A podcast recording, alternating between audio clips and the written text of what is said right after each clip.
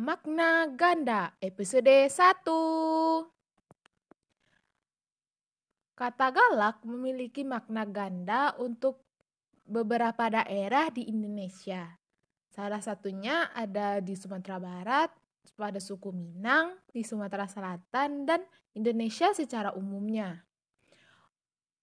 Untuk di Sumatera Barat, khususnya orang Minang, galak itu artinya ketawa.